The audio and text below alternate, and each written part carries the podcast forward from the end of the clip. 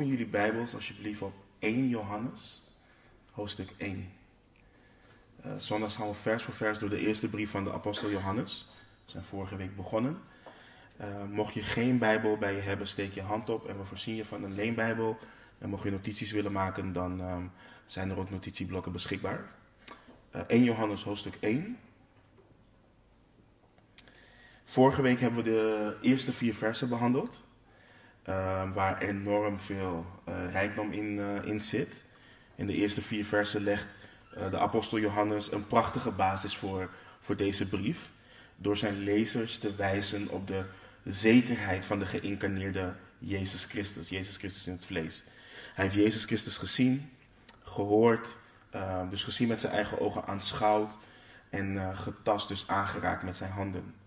En hij legt uit dat deze Jezus, de Zoon van God, eeuwig in gemeenschap leefde met de Vader. En dat deze Jezus Christus de basis is voor de gemeenschap, de fellowship tussen christenen.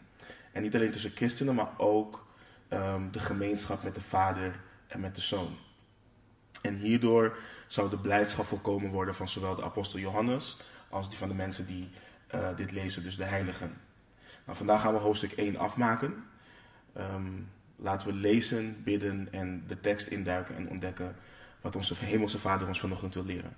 We beginnen bij vers 5, 1 Johannes hoofdstuk 1 vanaf vers 5. En dit is de boodschap die wij van hem gehoord hebben, van hem heb, gehoord hebben en dan nu verkondigen. Dat God licht is en dat in hem in het geheel geen duisternis is. Als wij zeggen dat wij gemeenschap met hem hebben en wij toch in de duisternis wandelen, liegen wij en doen de waarheid niet. Maar als wij in het licht wandelen, zoals hij in het licht is, hebben wij gemeenschap met elkaar en het bloed van Jezus Christus, zijn Zoon, reinigt ons van alle zonde. Als wij zeggen dat wij geen zonde hebben, misleiden we onszelf en is de waarheid niet in ons. Als wij onze zonde beleiden, Hij is getrouw en rechtvaardig om ons de zonden te vergeven en ons te reinigen van alle ongerechtigheid. Als wij zeggen dat wij niet gezondigd hebben, maken wij hem tot, een maken wij hem tot leugenaar en is zijn woord niet in ons. Laten we bidden. Vader, we komen elke week samen hier en hebben ontzag voor u, ontzag voor uw woord, Heer. En we weten, Heer, dat de hemel en de aarde voorbij zullen gaan, maar dat uw woord zal leven in de eeuwigheid. Uw woord zal blijven bestaan, Heer. Dus, Heer, uw woord is belangrijk. Uw woord is belangrijk voor u en daarmee ook voor ons. En um, door uw woord heen wilt u ons veranderen. En we bidden daar ook voor vanochtend, Heer. Dat u ons raakt in onze hart, in onze ziel, Heer. Vader, u weet hoe we hier vanochtend zijn gekomen, Heer. U weet wat voor um, zorgen we met ons meedragen. En uw woord leert ons om die zorgen op u te werpen. Dus als wij hier zorgen bij ons hebben, Heer, leer ons ook om dat te doen, om, die op u te werpen. Zodat we u hier zonder afleiding kunnen aanbidden en zonder afleiding van u kunnen ontvangen, Heer. Open onze ogen, open onze, uh, onze oren, open ons verstand. En um, Heer, maak onze harten week voor hetgeen wat u hier wilt doen. Heer, verheerlijk uzelf hier vanochtend. En um, vervul ons met uw geest. We bidden ook voor de kleinste, Heer, die uh, ook op hun eigen niveau uw woord zullen ontvangen, Heer. En bereid hen ook voor, Heer. En geef de leidsters en de leiders wijsheid om deze kinderen naar u te brengen en uh, te wijzen op wat het betekent om een leven met u te leven. Vader, we loven en pruisen uw naam. We houden van u en bidden al deze dingen in Jezus' naam. Amen. Um, voor de oplettende lezer valt het op dat Johannes het vanaf vers 5 opeens heel veel over zonde gaat hebben. En hij gebruikt daar niet alleen het woord zonde uh, of zonden voor. We zien het ook terug in het woord duisternis. Wandelen in duisternis. En hij schrijft over drie typen mensen. Hij schrijft over de beleidende christen. Die denkt gemeenschap met God te hebben, maar in de realiteit in duisternis wandelt, in, in, in zonde leeft. Hij schrijft over de beleidende christen die zijn of haar eigen leugen gelooft, zonder zonde te zijn, maar uiteindelijk misleid is. En hij schrijft over de beleidende christen die niet de waarheid van God over hem of haar erkent met betrekking tot de zonde en God daarmee een leugenaar maakt. En wat we tegen gaan komen in het gedeelte is dat Johannes gaat duidelijk maken dat geen enkele christen zonder zonde is. En hij gaat ons ook leren hoe christenen tegen zonde horen te kijken en hoe we daarmee moeten omgaan. Hoe we daarmee horen te dealen. We moeten in het licht wandelen en onze zonde beleiden. Dat is het punt wat Johannes gaat maken. En we hebben het vorige week gehad over de valse leraren die, die de beginfase van wat wij tegenwoordig kennen als het gnosticisme aan het onderwijzen waren. En wat ik ook al vorige week zei, je had de ene groep die beweerde dat ze zo'n hoog geestelijk niveau hadden bereikt, waardoor ze zeiden dat ze niet meer zondigden. En ehm, Johannes gaat dit dus hier keihard tackelen. Maar voordat hij dat doet, doet hij iets prachtigs. Want wanneer je over zonde gaat praten, en wanneer je over perfectie gaat praten, dan kun je dat gesprek nooit beginnen of aangaan zonder de puurheid of de heiligheid van God centraal te stellen. Want dat is namelijk waar, waar we alles aan toetsen. Gods licht, Gods puurheid. En daarom is vers 5 zo'n prachtig vers. En dit is de boodschap die wij van Hem gehoord hebben en aan u verkondigen. Dat God licht is en dat in Hem in het geheel geen duisternis is. En Johannes doet een aantal dingen in dit vers. Als eerste maakt hij duidelijk wie de bron van de boodschap is wat hij verkondigt. Hij heeft het over de Heer Jezus zelf. Geen vage bronnen, geen mystieke bronnen of geen mystieke openbaringen. Johannes heeft het over Jezus Christus. En hij heeft zijn autoriteit en zijn betrouwbaarheid als apostel al bewezen in de, vier, in de eerste vier versen. Hij is een ooggetuige geweest van het leven en de bediening van de Heer Jezus. Hij heeft hem gehoord, gezien met zijn eigen ogen, aanschouwd en getast. En wat hij gehoord heeft, dat is wat hij verkondigt aan hen. Hij verkondigt dat God licht is en dat in hem in het geheel geen duisternis is. Dus Johannes schrijft dat de boodschap die hij heeft ontvangen van de Heer Jezus, dat God licht is. En de Heer Jezus kon het weten, want hij deelde eeuwig in de gemeenschap met de Vader, met God. Vergeet niet dat we in Johannes 1 hebben gelezen, vers, uh, versen 1 en 2. In het begin was het woord, het woord was bij God en het woord was God. Dit was in het begin bij God. Dus Jezus weet waar hij het over heeft.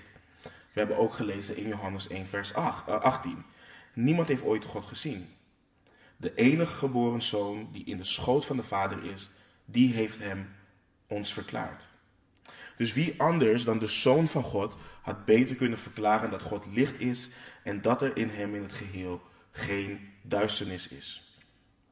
En het is belangrijk om op te letten wat Johannes doet. Johannes begint niet met het vertellen dat God liefde is.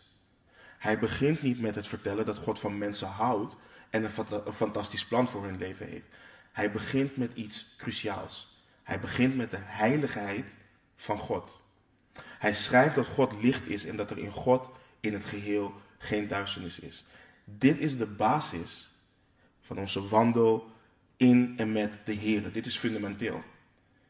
Dus hij begint met uitleggen dat God zonder zonde is. Dat hij onbevlekt is, zoals ik al zei, dat hij heilig is. Dat is wie hij is. En het betekent dat er niets slechts of niets kwaads aan God is. Het betekent dat God goed is. Hij is de definitie van goed.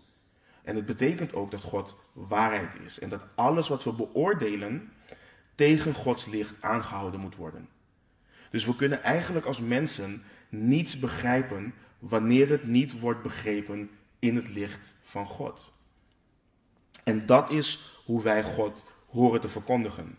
Aan zowel christenen, dus aan elkaar, maar ook aan niet-christenen.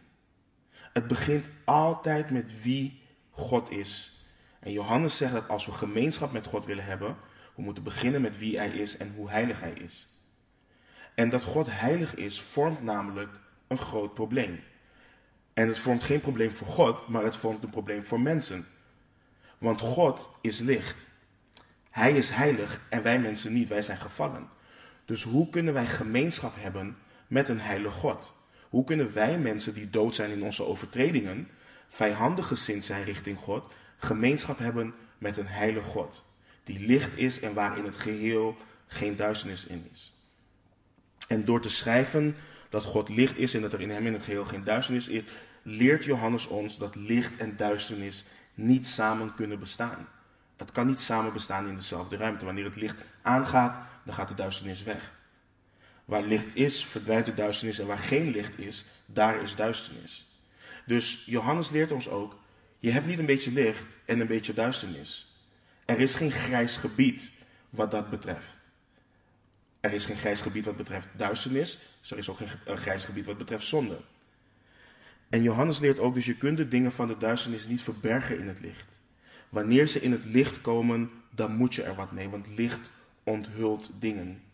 Het maakt iets zichtbaar wat niet zichtbaar is. En licht openbaart gevaren. Het zorgt ervoor dat je goed kunt zien en dat je niet struikelt over dingen of dat je valt. Dus God is licht. Maar de Bijbel leert ons ook daarin dat Jezus licht is. En we hebben dit meerdere malen gelezen in het Evangelie volgens Johannes. Als we Johannes 1, versen 4 en 5 lezen. In het woord was het leven en het leven was het licht van de mensen. En het licht schijnt in de duisternis en de duisternis heeft het niet begrepen. We lazen ook ehm, dat Johannes de Doper in uh, vers 6 en 8, dat hij was gekomen om te getuigen van het licht.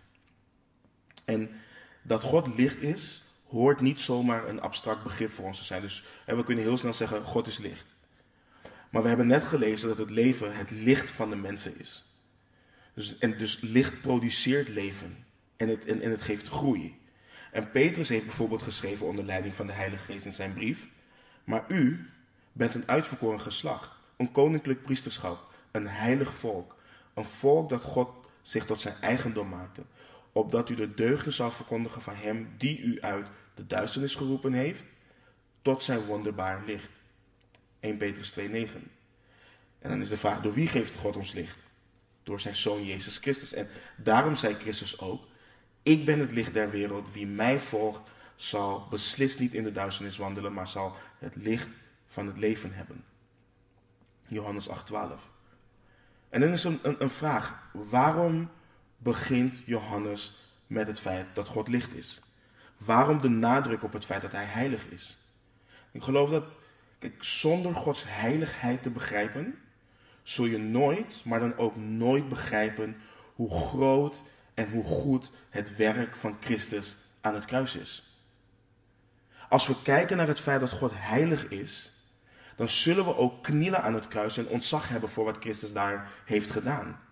Als we beginnen met Gods liefde en mensen lopen te vertellen dat God mensen lief heeft en een plan voor hun leven heeft, dan wordt God een vriend net zoals elk ander vriend. Dan wordt Hij onze gelijke. En Johannes zegt nee, elke claim die wij maken voor fellowship, voor gemeenschap, moet tegen zijn licht tegen zijn heiligheid aangehouden worden.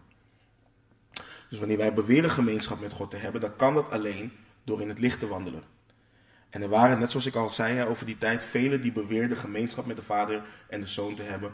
Maar Johannes schrijft, het gaat niet om wat je beweert, het gaat om jouw wandel.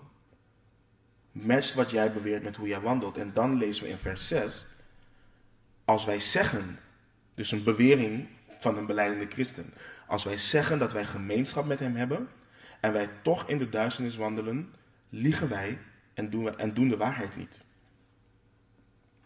Dus we hebben net vastgesteld, God is licht. Hij is goed, hij is puur, hij is heilig. Duisternis is zonde. En Johannes schrijft in hele simpele, maar sterke taal, als wij zeggen dat wij gemeenschap hebben met God, oftewel als wij zeggen of beleiden of beweren dat wij christenen zijn, en wij toch in de duisternis wandelen, oftewel wij toch in zonde leven, dan liegen we en doen we de waarheid niet. En dit is de apostel Johannes die dit schrijft. De apostel die iedereen kent als de apostel van de liefde. En ik weet niet wie hem die titel heeft gegeven, want hij heeft zichzelf die titel niet gegeven. Hij noemde zichzelf wel de apostel die Jezus liefhoudt. Maar hij heeft zichzelf nooit de apostel van de liefde genoemd. En sterker nog, Jezus noemde hem de zoon van de donder. Apostel, eh, de apostel Johannes was een man heel recht voor zijn raap. En hij zegt dus, als jij beweert een christen te zijn en je in zonde leeft, dan, dan lieg je. Je doet de waarheid niet. Je doet niet wat je beweert. En weet je, kijk, mensen hè, die, die, die nemen teksten bijvoorbeeld als, als dit, Romeinen 10, vers 9. Als u met uw mond de Heer Jezus beleidt en met uw hart gelooft dat, hij, dat God hem uit de dood heeft opgewekt, zult u zalig worden. En dit soort versen worden heel vaak geciteerd. En ze worden geciteerd alsof het niets is. Hè. Mensen kennen dan iemand die beleidt een christen te zijn. Maar je ziet eigenlijk in het leven van die persoon dat die persoon zich nooit heeft bekeerd. Die persoon is nooit veranderd. Die persoon leeft in continue zonde. Maar wanneer die persoon dan de naam van Jezus uh, um, roept of beleidt of wat dan ook. En dan, denkt men, dan denkt men gelijk, oh dat is een christen. Ze denken gemeenschap met de vader en de zoon te hebben. En Johannes zegt, nee dat is niet waar. Johannes schrijft, God is licht En in God is in het geheel geen duisternis. Dus wanneer jij beweert deel te nemen in de gemeenschap met God, dan moet je in het licht stappen. En wanneer je in het licht wilt stappen, dan moet je logischerwijs moet je uit de duisternis stappen. Want je kunt net zo min in zowel licht als in duisternis wandelen, als dat licht en duisternis in dezelfde ruimte kunnen zijn. En dit vers leert ons dus dat we onze zonde niet kunnen bedekken en denken in het licht te wandelen. We zien verderop in dit hoofdstuk juist dat we onze zonde horen te beleiden. Dat is wat het betekent onder andere om in het licht te wandelen. En, en, en let goed op wat Johannes schrijft. In de duisternis wandelen. Hij heeft het hier dus over een patroon, een levensstijl. Leven in zonde. En in duisternis wandelen betekent dat we onze zonde negeren of, of zelfs ontkennen.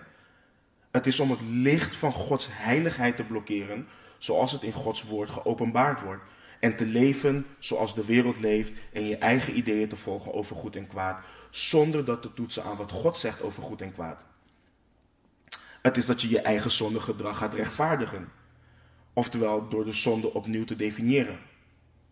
Of door de schuld te geven aan anderen of aan andere factoren. Of door het hele concept van zonde af te schaffen. Want dat is ook wat mensen doen. En in de duisternis wandelen is proberen te verbergen voor wie God is. In plaats van je leven aan Hem bloot te stellen.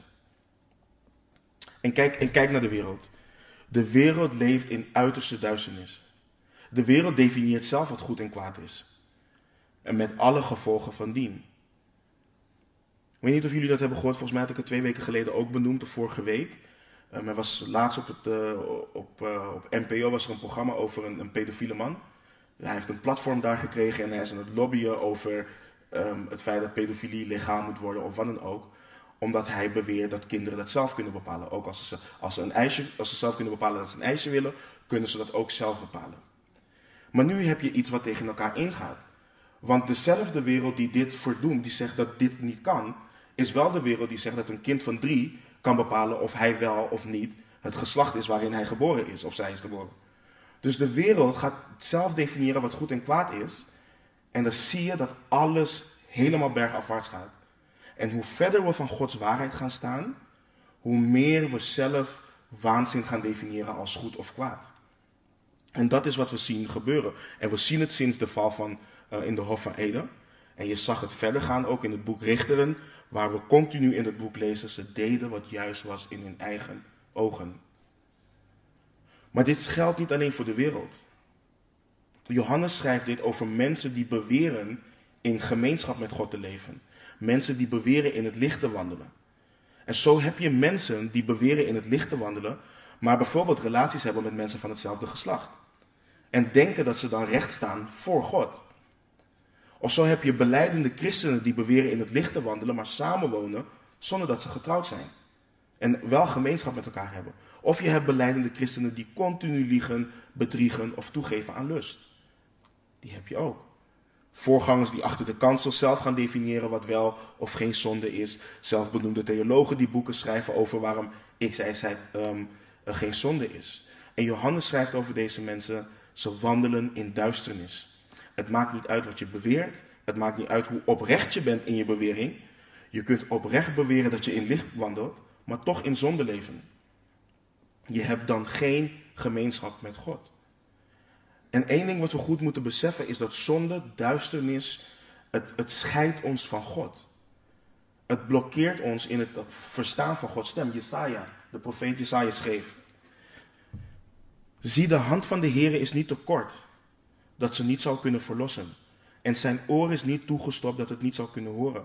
Maar uw ongerechtigheden maken scheiding tussen u en uw God. Uw zonden doen zijn aangezicht voor u verborgen zijn, zodat hij u niet hoort. Jesaja 59, versen 1 en 2. En de vraag kan heel snel worden, hè, dat, dat, dat, dat standaard. Oké, wat voor zonden? Voor welke zonde praat je dan? Geef me een lijst. En het ding is, het gaat niet om een lijst. Ik kan een hele lijst opnoemen, met wat wel of met wat niet. En de ijverige persoon, die kan daar ook mee stoppen. Maar dit gaat verder dan wat men ziet. Het gaat om het hart. Dit gaat ook om zondige gedachten. Het gaat ook om zondige motieven. Johannes schrijft, er is in hem, dus in God, Geen duisternis in het geheel niet. Dus het gaat er niet om dat we naar onszelf kijken en dan gaan afwinken hoe goed we wel of niet zijn. Het gaat erom dat we doen wat Johannes doet. En hij wijst ons op het feit dat God licht is en God heilig is. Heilig is. Dat God goed is en dat we ons leven aan God horen te toetsen. Als we gaan kijken naar de definitie van heiligheid, moeten we altijd kijken naar God. En niet naar, oh, die wandelt zo en ik doe dat niet, dus ik ben een betere christen. Of ik wandel wel in het licht. Die doet dat niet en ik doe dat wel, dus ik wandel wel in het licht. Dat is niet waar het om draait. Dus het is niet wat we beweren dat bepaalt of wij gemeenschap hebben met God. Het is hoe wij wandelen.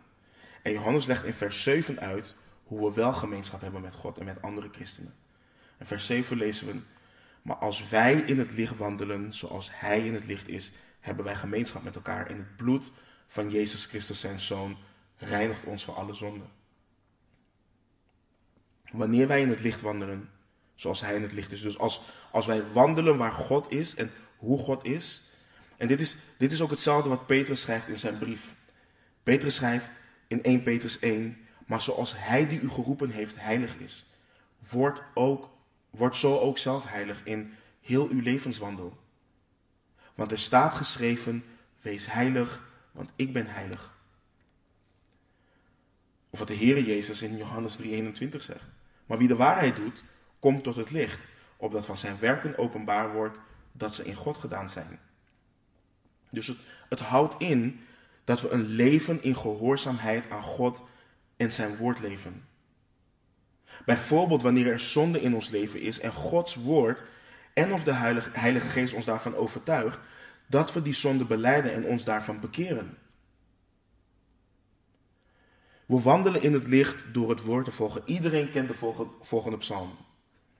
Ik heb het zelfs bij niet-christenen thuis gezien. Uw woord is een lamp voor mijn voet en een licht op mijn pad. Iedereen kent dit. Maar zonder Gods woord wandelen we, wandelen we letterlijk in de duisternis en weten we niet welke kant we opgaan. Zonder Gods woord bepalen we, op basis van onze emoties wat goed of fout is. En we denken dan dat we de juiste weg bewandelen, maar in de realiteit wandelen we de weg van, van het verderf. Spreuken 14, 25, heel veel van ons kennen die ook. Er is soms een weg die iemand rechts leidt. Dus er is soms een weg waarvan iemand denkt, dit is, dit is de juiste weg. Maar het einde ervan zijn wegen van de dood. Dus we wandelen in het licht door onze eigen zondige verlangens te verlogenen en Gods verlangens onze verlangens te maken. En Johannes maakt hier een statement dat het mogelijk is om in het licht te wandelen. Hij schrijft, maar als wij in het licht wandelen zoals Hij in het licht is, hebben wij gemeenschap met elkaar en het bloed van Jezus Christus, zijn Zoon, reinigt ons van alle zonden. Dus het is mogelijk om een leven in gehoorzaamheid aan God te leven. Het is mogelijk om Christus na te volgen. Maar het vereist, het vereist wel dat we onszelf verloochenen. Het vereist dat we ons kruis opnemen. Het vereist van ons dat we sterven aan onszelf en leven door het geloof in de Zoon van God. En een ander belangrijk ding is, kijk, Johannes schrijft niet dat we zonder zonde zullen zijn. Maar hij schrijft dat we in het licht kunnen wandelen en dat ons leven niet gekenmerkt hoeft te worden door zonde. En het is niet iets wat Johannes heeft bedacht. Dit is niet een nieuw testamentisch idee. Uh, David schreef het ook. Waarmee houdt een jonge man zijn pad zuiver? Als hij dat bewaart overeenkomstig uw woord. Psalm 119, vers 9. En we hebben net ook het vers gelezen waar, waar de Heer Jezus het, het zei, maar laten we het weer lezen in Johannes 8, vers 12. Jezus dan sprak opnieuw tot hen en zei: Ik ben het licht der wereld.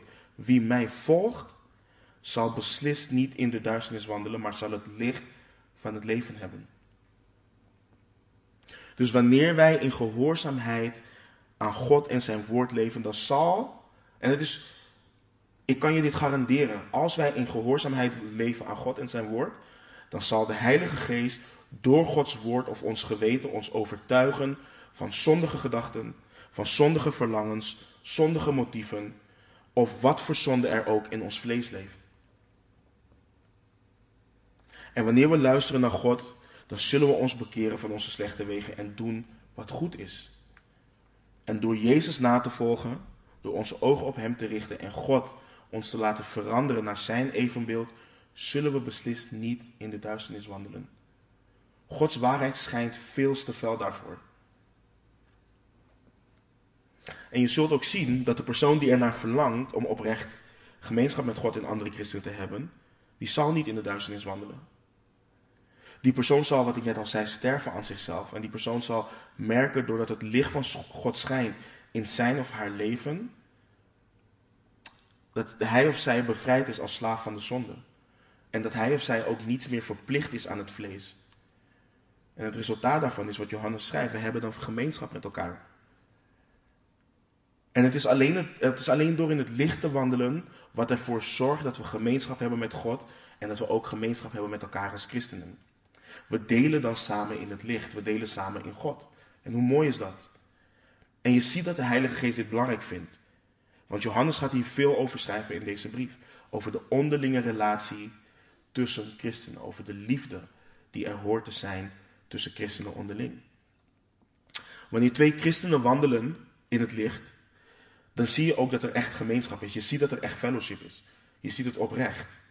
Er is oprechte liefde en God staat centraal. Gods waarheid en zijn licht staat centraal. Maar vaak, wanneer er oneenigheid is tussen christenen, dan zie je dat één of beide partijen wandelen in de duisternis. Dus Johannes schrijft, en het bloed van Jezus Christus, zijn Zoon, reinigt ons van alle zonden. Het is belangrijk om daarbij stil te staan, bij het, bij het volgende. Het is niet het wandelen in het licht of de gemeenschap met God wat ons reinigt. Het is het bloed van Jezus Christus, zijn Zoon, wat gevloeid heeft aan het kruis, wat ons reinigt van al onze zonden. Het bloed van Jezus Christus wast ons schoon en het bloed alleen. En ik weet dat voor, voor, voor de meesten hier dat ik dit niet hoef te zeggen, maar ik zeg het is niet het bloed plus sacramenten. Het is niet het bloed plus de doop. Het is niet het bloed plus werken. Johannes schrijft onder leiding van de Heilige Geest. En het bloed van Jezus Christus, zijn zoon, reinigt ons van alle zonden. Broeders en zusters, we doen er goed aan om acht te slaan op het bloed van Jezus Christus. We doen er echt goed aan om te kijken naar het verlossende werk van Jezus Christus. En naar dat alleen. Kijk, laat niemand je voor de gek houden en laat niemand je misleiden. Alleen het bloed van Christus wast ons schoon van zonde. Sommige mensen denken dat wanneer ze stoppen met zondigen, met een specifieke zonde, dat dat hun schoon was. Het is het beleiden van je zonde waardoor het bloed van Christus je schoon was. Het is het bloed van Jezus Christus wat ons heeft vrijgekocht als slaven van zonde. Het is zijn werk wat ons in het licht brengt, waardoor we kinderen van het licht genoemd worden. Het is omdat zijn bloed heeft gevloeid dat we hem de verzoening voor onze zonde kunnen noemen. Dus het bloed van Jezus Christus, zijn zoon, reinigt ons van alle zonden. En elke keer dat we schoongewassen worden, dat we gereinigd worden, laat het zien hoe rechtvaardig God is en hoe waardig Christus is. Het laat zien dat hij de zonde bestraft heeft in Christus. En het laat ons zien dat wanneer we schoongewassen worden door het bloed van Christus, dat de Vader blij is met het offer van onze Heer Jezus Christus. Het laat de volmaaktheid van het offer zien. En de schrijver van de, brief, uh, van de Hebreeënbrief, die snapte dat heel goed. Hij schreef in Hebreeën 9, vanaf vers 11, maar toen is Christus verschenen. De hoge priester van de toekomstige heilsgoederen. Hij is door de meerdere en meer volmaakte tabernakel gegaan, die niet met handen is gemaakt, dat is, die niet van deze schepping is. Hij is niet door bloed van bokken en kalveren, maar door zijn eigen bloed eens en voor altijd binnengegaan in het heiligdom en heeft daardoor een eeuwige verlossing teweeggebracht. En nu, dit is prachtig, want als het bloed van stieren en bokken en de as van de jonge koe op de verontreinigde gesprenkeld en heilig tot reinheid van het vlees, hoeveel te meer zal het bloed van Christus, die door de eeuwige geest zichzelf smetteloos aan God geofferd heeft, uw geweten reinigen van dode werken om de levende God te dienen. Het bloed van Christus is kostbaar. Er is niets als het bloed van Christus. Alleen zijn bloed reinigt ons van alle zonde. Al onze zonden. En sommigen denken, als we praten over alle zonden, ik heb dat ook gedacht. Maar je weet niet wat ik allemaal gedaan heb in het verleden. En ik hoef het ook niet te weten. Want het bloed van Christus reinigt je van alle zonden. Wat je ook gedaan hebt. Zij het als kind, zij het als tiener, vorig jaar, gisteren onderweg in de auto hier naartoe. Het maakt niet uit. Het bloed van Christus, Jezus, zijn zoon, reinigt ons van alle zonden. Er is niets wat het bloed niet schoon kan wassen. En de vraag is dan, laat dit niet zien hoe volmaakt het offer van Jezus Christus is. Laat dit niet zien dat toen hij zei het is volbracht, dat het echt volbracht was. Laat dit ook niet zien dat wat de Heer Jezus Christus zei, dat niemand tot de Vader komt dan door de Zoon. Door het bloed van de Zoon. Daarom zeg ik nog een keer, broeder en zuster, richt je ogen op het volmaakte lam dat geslacht is voor jouw zonde. Richt je ogen op Jezus Christus. En ik zeg het omdat er veel beleidende christenen zijn die God niet horen, die God niet ervaren. Omdat men in zonde leeft. En ik bid dat het voor ons niet zo mag zijn. Dat we kijken naar het lam wat geslacht is voor onze zonde.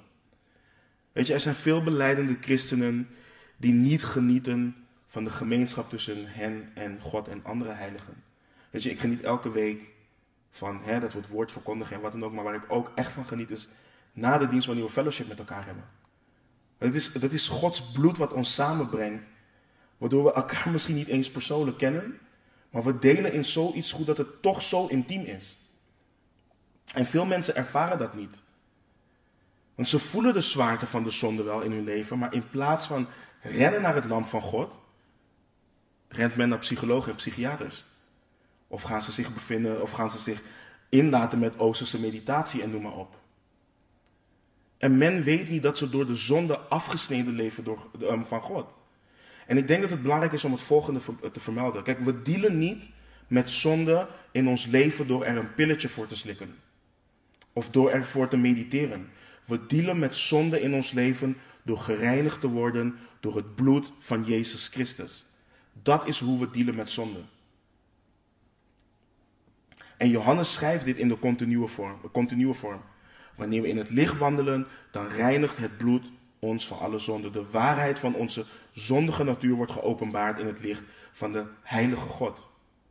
En door de overtuiging van de Heilige Geest beleiden we onze zonden en bekeren we ons en blijft het bloed van Christus ons schoonwassen. En we hebben het hierover gehad in het Evangelie volgens Johannes. De Heer Jezus leerde de discipelen ook dat hun voeten gewassen moesten worden. We hoeven niet elke keer opnieuw geboren te worden, maar we hebben het nodig dat we schoongewassen worden door het bloed van het lam. Want we krijgen wel een nieuw leven, maar we verliezen onze zondige natuur, verliezen we niet. En we kunnen nog steeds worstelen met hoogmoed. We kunnen nog steeds worstelen met lust of met hebzucht. Dat verliezen we niet aan deze kant van de eeuwigheid.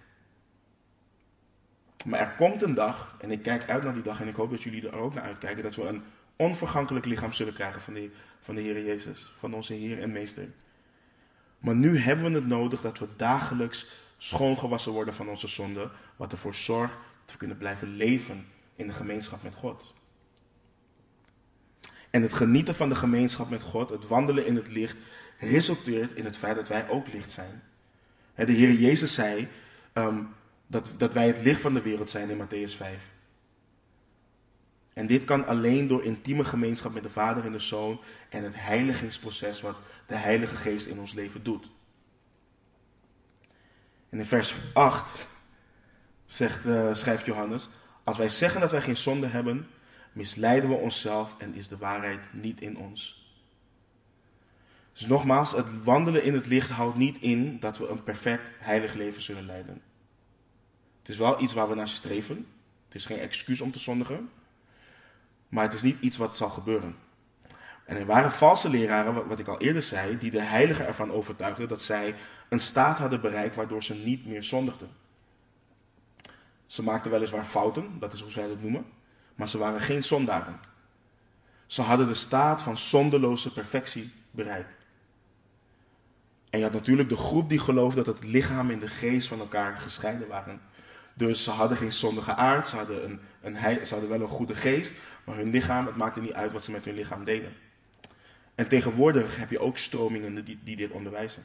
En Johannes schrijft, wanneer we op het punt komen dat we zeggen tegen onszelf of van onszelf, ik ben perfect, ik zondig niet meer, dan lieg je niet alleen tegen anderen, maar je bent je eigen leugen ook nog eens gaan geloven, dus je bent misleid.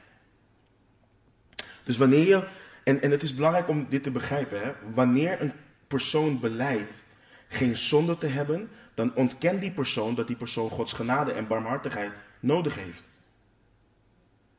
Een perfect voorbeeld van iemand die dacht dat hij recht voor God stond, was koning David, een man naar Gods hart.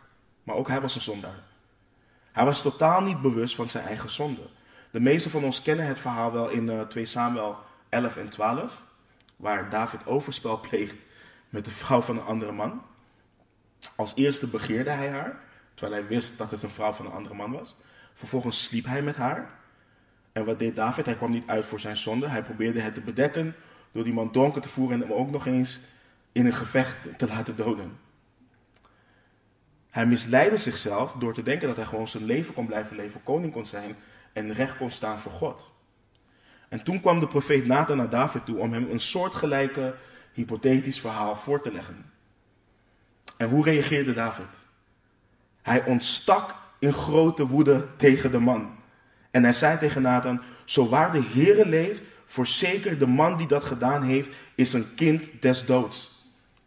Zijn, zijn harde woorden. David veroordeelde die man op basis van een hypothetisch verhaal wat hij zelf heeft gedaan, maar niet inzag dat hij zelf die zondaar was. Hij was misleid en geloofde zijn eigen leugen. Hetzelfde met de fariseeën. De fariseeën dachten dat ze rechtvaardig waren op basis van het feit dat ze Israëlieten waren. Ze hadden geen redder nodig, dachten ze. En ook zo kunnen wij onszelf misleiden. Want het gaat niet alleen om valse leraren die denken dat ze een verheven, een, een, een verheven geestelijke status hebben bereikt. Het gaat over onze dagelijkse wandel met de Heer. En daarom moeten we in het licht wandelen en in Gods waarheid staan, zodat Gods, God ons de waarheid over ons kan vertellen en we het kunnen beleiden en ons daarvan kunnen bekeren. Johannes schrijft, dus als we willen delen in de Vader, als we gemeenschap willen hebben met de Vader en de Zoon en met andere heiligen, dan moeten we eerlijk zijn over onszelf en over wat God over ons zegt. Want als we zeggen dat we zonder zonde zijn, dan is de waarheid van het evangelie van Christus niet in ons. In 1 Korinthe 15, versen 1 tot en met 11, geeft Paulus een, een simpele maar prachtige verkondiging van het evangelie. En hij schrijft in vers 3 iets cruciaals. Want ik heb u ten eerste overgeleverd wat ik ook ontvangen heb: dat Christus gestorven is voor onze zonden, overeenkomstig de schriften. Zonde is onmisbaar in de verkondiging van het evangelie. Sommige mensen willen niet over zonde, zonde praten. Sommige mensen gaan evangeliseren op straat en ik heb filmpjes daar ook van gezien. God houdt van je. Kom tot Jezus. Hij heeft een geweldig plan voor jezelf, voor je leven. Voordat ik tot Christus kwam, had ik ook een geweldig plan voor mezelf. Weet je, dus het, het, gaat er niet om dat God een geweldig plan voor ons heeft. En ik vind het eigenlijk vind ik het ook godslastering om dat te zeggen. Want wat was het geweldige plan voor Johannes? Dat hij levend gekookt werd. Wat was het geweldige plan voor Stefanus? Dat hij gestenigd werd toen hij het evangelie verkondigde. Wat was het geweldige plan voor Paulus? Dat hij naakt over de markt werd gesleept en dat hij gestenigd werd en voor dood achtergelaten werd. Het gaat niet over het geweldige plan voor ons leven. God wil ons redden van zonde en we moeten eerlijk zijn over de zonde die we hebben. Zonder onze zonde te zien of in te zien, zouden we nooit behoefte hebben aan een redder. Een persoon zal de noodzaak van Christus nooit inzien als ze niet weten en geloven dat zij gezondigd hebben en de heerlijkheid van God missen. Een zondaar zal nooit de noodzaak van Christus inzien zonder te weten dat de loon van de zonde de eeuwige dood is. En we hoeven niet rond te gaan en mensen te vertellen, jij gaat uh, eeuwig dood, jij gaat eeuwig dood. Dat is niet hoe we dat hoe te vertellen. We horen het hele evangelie te verkondigen. Maar het is belangrijk dat we dit wel vermelden. Dus beleiden we christenen te zijn, maar zeggen we dat we geen zonde hebben, dan is de waarheid niet in ons. We hebben de waarheid van God, zijn, van God, zijn woord opzij gezet om onze eigen leugen te geloven. En, en Johannes schrijft, in plaats van onze eigen leugen te geloven, schrijft hij in vers 9, als wij onze zonde beleiden, hij is getrouw en rechtvaardig om onze zonde te vergeven en ons te reinigen van alle ongerechtigheid. Dus in, in plaats van onze zonde bedekken of liegen dat we geen zonde hebben, moeten we de waarheid geloven wat God over ons zegt en onze zonde beleiden. En weet je, katholieken en verschillende stromingen binnen het christendom hebben een verkeerd beeld gegeven wat het betekent om je zonde te beleiden. Je zonde beleiden is niet wakker worden of opstaan en God vragen om je te vergeven voor je zonde. Oh Heer, vergeef me voor mijn zonden. Dat is niet wat beleiden van je zonde is. Je zondebeleiding is ook niet naar een priester of naar de paus gaan. En tegen de paus of de priester zeggen wat je wel of niet van het weekend hebt gedaan. Ehm, en, je vragen, en, je dan te vragen om je te vergeven. Dat is niet waar Johannes het over heeft. Het Griekse woord wat wordt gebruikt voor het beleiden van je zonde, betekent dat we het eens zijn met God over wat Hij over de zonde zegt. Dus je bent in volledige over, overeenstemming met God over wat Hij zegt over je begane zonden. We komen tot dezelfde conclusie als God. Dat wat we gedaan hebben, dat wat we gezegd hebben, of gedacht of juist niet gedaan of gezegd hebben, zonde is. Maar het gaat nog verder dan dat.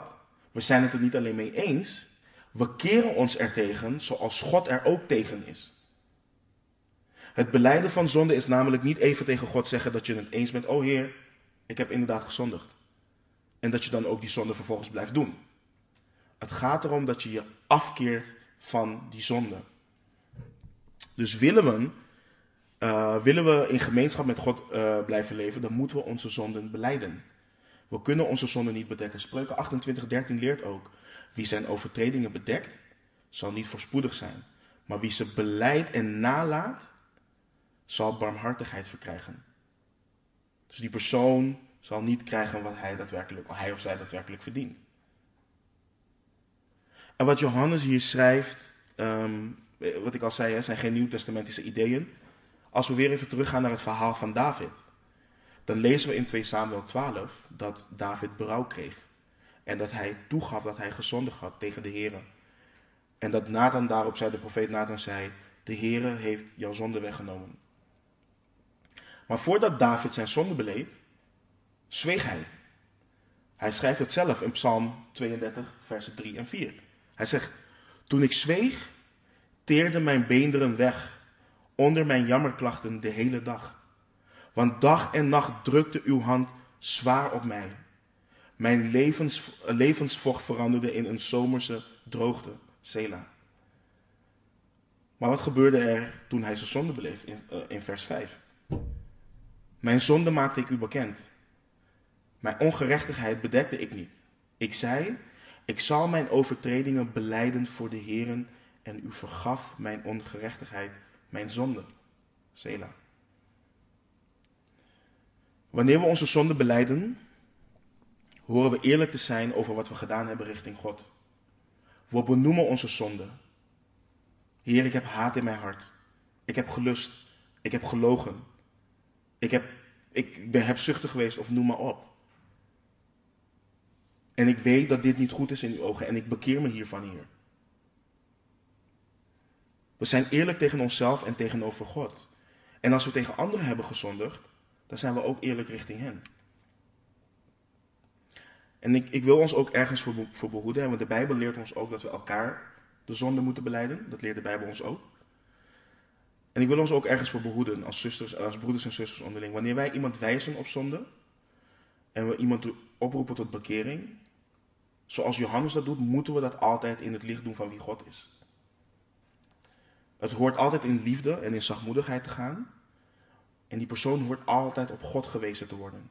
Op het feit dat hij of zij boven alles tegen God heeft gezondigd. En laat mij bij vermelden dat het onnatuurlijk voelt om dit te doen. Het voelt ongemakkelijk. Het geeft een gevoel van naaktheid en er komt schaamte bij kijken. Maar wanneer wij kijken naar wie Christus is, door de waarheid te zien, horen en erkennen van God, gaan we de waarheid over onszelf zien horen en erkennen. En het is om wie God is dat het ons drijft om onze zonde ook te beleiden. Maar het is ook om wie God is dat het ons drijft om een persoon te wijzen op God. Of op, op, op zijn of haar zonde en, zich, en die persoon vervolgens te wijzen naar God. En Johannes schrijft, God is getrouw en rechtvaardig om ons de zonde te vergeven. En ons te reinigen van alle ongerechtigheid. En dat hij getrouw is, betekent dat we hem kunnen vertrouwen. Dat we kunnen vertrouwen op zijn woord dat hij ons onze zonde daadwerkelijk zal vergeven. En ik hoop dat jullie hier rust en vrede in vinden. En vreugde ook. Want God is getrouw. Hij is betrouwbaar. Wat hij zegt zal hij doen. En wat hij um, zegt doet hij. We hebben dit vers ook een tijd geleden gelezen. Ik weet niet of je het nog doet. Hij doet het niet. Um, God is geen man dat hij liegen zou. Of een mensenkind dat hij ergens berouw over hebben zou. Zou hij iets zeggen en het dan niet doen, zou hij spreken en niet gestand doen. En het niet gestand doen. Nummer 23, 19. Wat problemen met de slide, dus ik noem ze even op. En ik denk dat het belangrijk is voor ons om te beseffen dat als God, dat als God zegt dat hij getrouw is, dat we daar echt op moeten vertrouwen. Als we onze zonde hebben beleden, heeft God ons vergeven en denkt hij niet meer aan die zonde. En dat betekent niet dat we daardoor, lichter, daardoor lichter, uh, lichtelijk mee om moeten gaan of dat het een excuus is om te zonde, zondigen. Maar we mogen ons beroepen op het feit dat hij ons heeft vergeven. En we kunnen die zonde dan ook bij hem laten.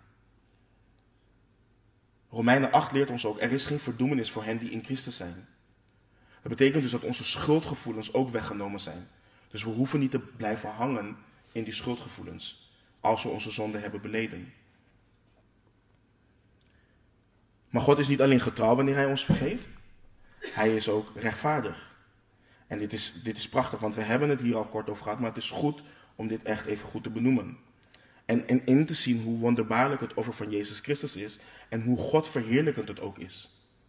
Want we zeggen vaak over God dat Hij heilig is en dat Hij rechtvaardig is en dat Hij zondags moet oordelen. We weten dat Hij zonde niet zomaar voorbij kan laten gaan, ongestraft kan laten. En nu hebben wij gemeenschap met God, vergeven van onze zonden en wacht ons een heerlijke toekomst met Hem in de eeuwigheid. Maar hoe? Hoe kan een heilig en rechtvaardig God zondaars toelaten in de hemel? Hoe kan Hij mensen toelaten die schuldig zijn? En hoe kan Hij dat doen zonder Zijn heiligheid en rechtvaardigheid te verliezen? En als je daarover nadenkt, geeft dit dan alleen niet meer aan hoe goed het offer van Christus is? Geeft dit niet meer aan um, dat, dat wat God zei, dit is mijn geliefde zoon, in hem heb ik mijn welbehagen, dat Christus goed is? Geeft dit ons niet meer ontzag voor, het, voor Christus en de woorden, ik doe altijd wat hem, dus de Vader, welgevallig is? Dat God jou en mij vergeeft, dat hij ons schoon was, dat hij ons verzegeld heeft met de Heilige Geest en ons al de, hemels, de zegeningen in de hemelse gewesten geeft. Zegt niets goeds over ons, maar looft en prijst Christus. Het prijst Christus die aan de rechterhand van de Vader zit. Want over ons zegt het dat wij niets hadden en niets hebben om zijn toorn van ons af te doen wenden. Maar van Christus zegt het dat hij rechtvaardig is om ons te vergeven in en door Christus. Want zoals er in 2 Korinthe 5, 21 staat. Want hem die geen zonde gekend heeft, heeft hij voor ons tot zonde gemaakt, opdat wij zouden worden gerechtigheid van God in hem. Dat wij vergeven worden en verzoend zijn met God, is het werk van Christus. Onze schuld is betaald met de gerechtigheid van Christus. Maar ik wil ons, wat ik net ook al zei, iets op het hart drukken. Gods trouw en rechtvaardigheid hoort ons te motiveren om in het licht te blijven wandelen. Zijn trouw en rechtvaardigheid hoort ons te weerhouden van het zondigen tegen hem. We weten namelijk wat het hem heeft gekost. En ook al is het offer van Christus gratis, het is niet goedkoop. Dus wanneer we zondigen tegen God, zondigen we tegen een liefdevolle God die zijn eigen zoon voor ons gegeven heeft. Dus laten we dat nooit vergeten en God blijven vragen om ons continu daaraan te herinneren, zodat we niet tegen Hem zullen zondigen. En Johannes schrijft in vers 10, als wij zeggen dat wij niet gezondigd hebben, maken wij Hem tot leugenaar en is Zijn woord niet in ons. Johannes schrijft dat we niet moeten ontkennen dat we gezondigd hebben. Dat berooft ons van gemeenschap met God. We maken God tot een leugenaar en zijn woord is niet in ons. In Psalm 14 lezen we, dit is hetzelfde psalm wat Paulus citeert in Romeinen 3. Psalm 14, versen 2 en 3. De Heere heeft uit de hemel neergezien op de mensenkinderen om te zien of er iemand verstandig was. Iemand die God zocht. De conclusie is, zij zijn allen afgedwaald, tezamen zijn zij verdorven. Er is niemand die goed doet, zelfs niet één.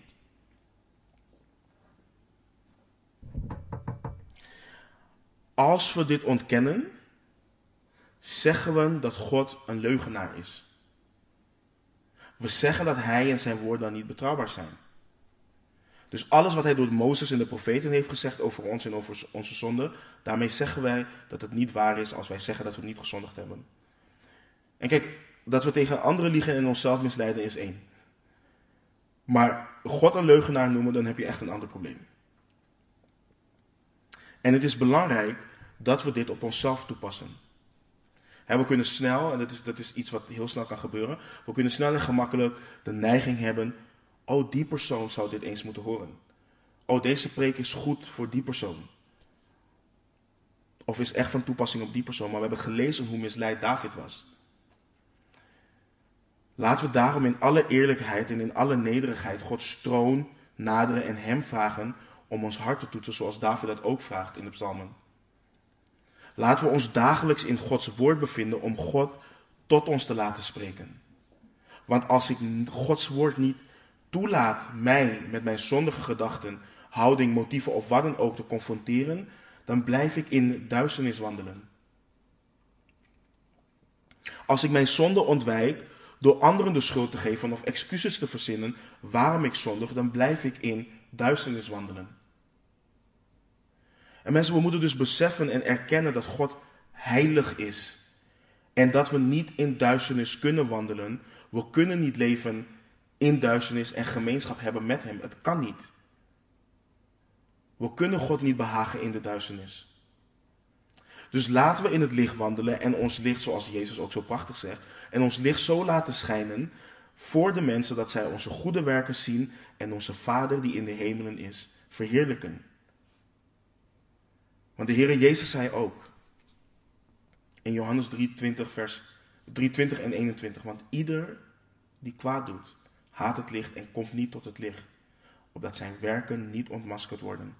Maar wie de waarheid doet, komt tot het licht, opdat zijn werken openbaar wordt, dat ze, toch, dat ze in God gedaan zijn. Als we willen genieten van de fellowship met elkaar, als we willen genieten van de fellowship met God en de Zoon, wat boven alles staat, dan zullen we in het licht moeten wandelen. Amen. Laten we bidden. Heer God, uh, Heer, we hebben zoveel behandeld, Heer. Heer, en ook al hebben we veel over zonde gesproken, wat het centrale thema hierin is, is dat u licht bent. Dat u heilig bent. En dat we alles daaraan horen te toetsen, Heer.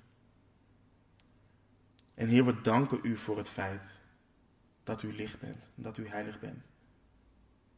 En we danken u voor het feit dat u ons vanuit de duisternis naar het licht gebracht hebt, Heer. Dat we in uw leven hebben.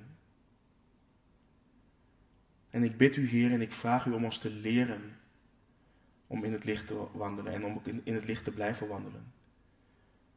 En Vader, ik bid u ook dat u ons behoedt tegen misleiding dat we onszelf misleiden. En dat uw woord ons altijd blijft overtuigen van wie u bent. En dat uw woord ons ook daarin overtuigt wie wij zijn ten opzichte van u.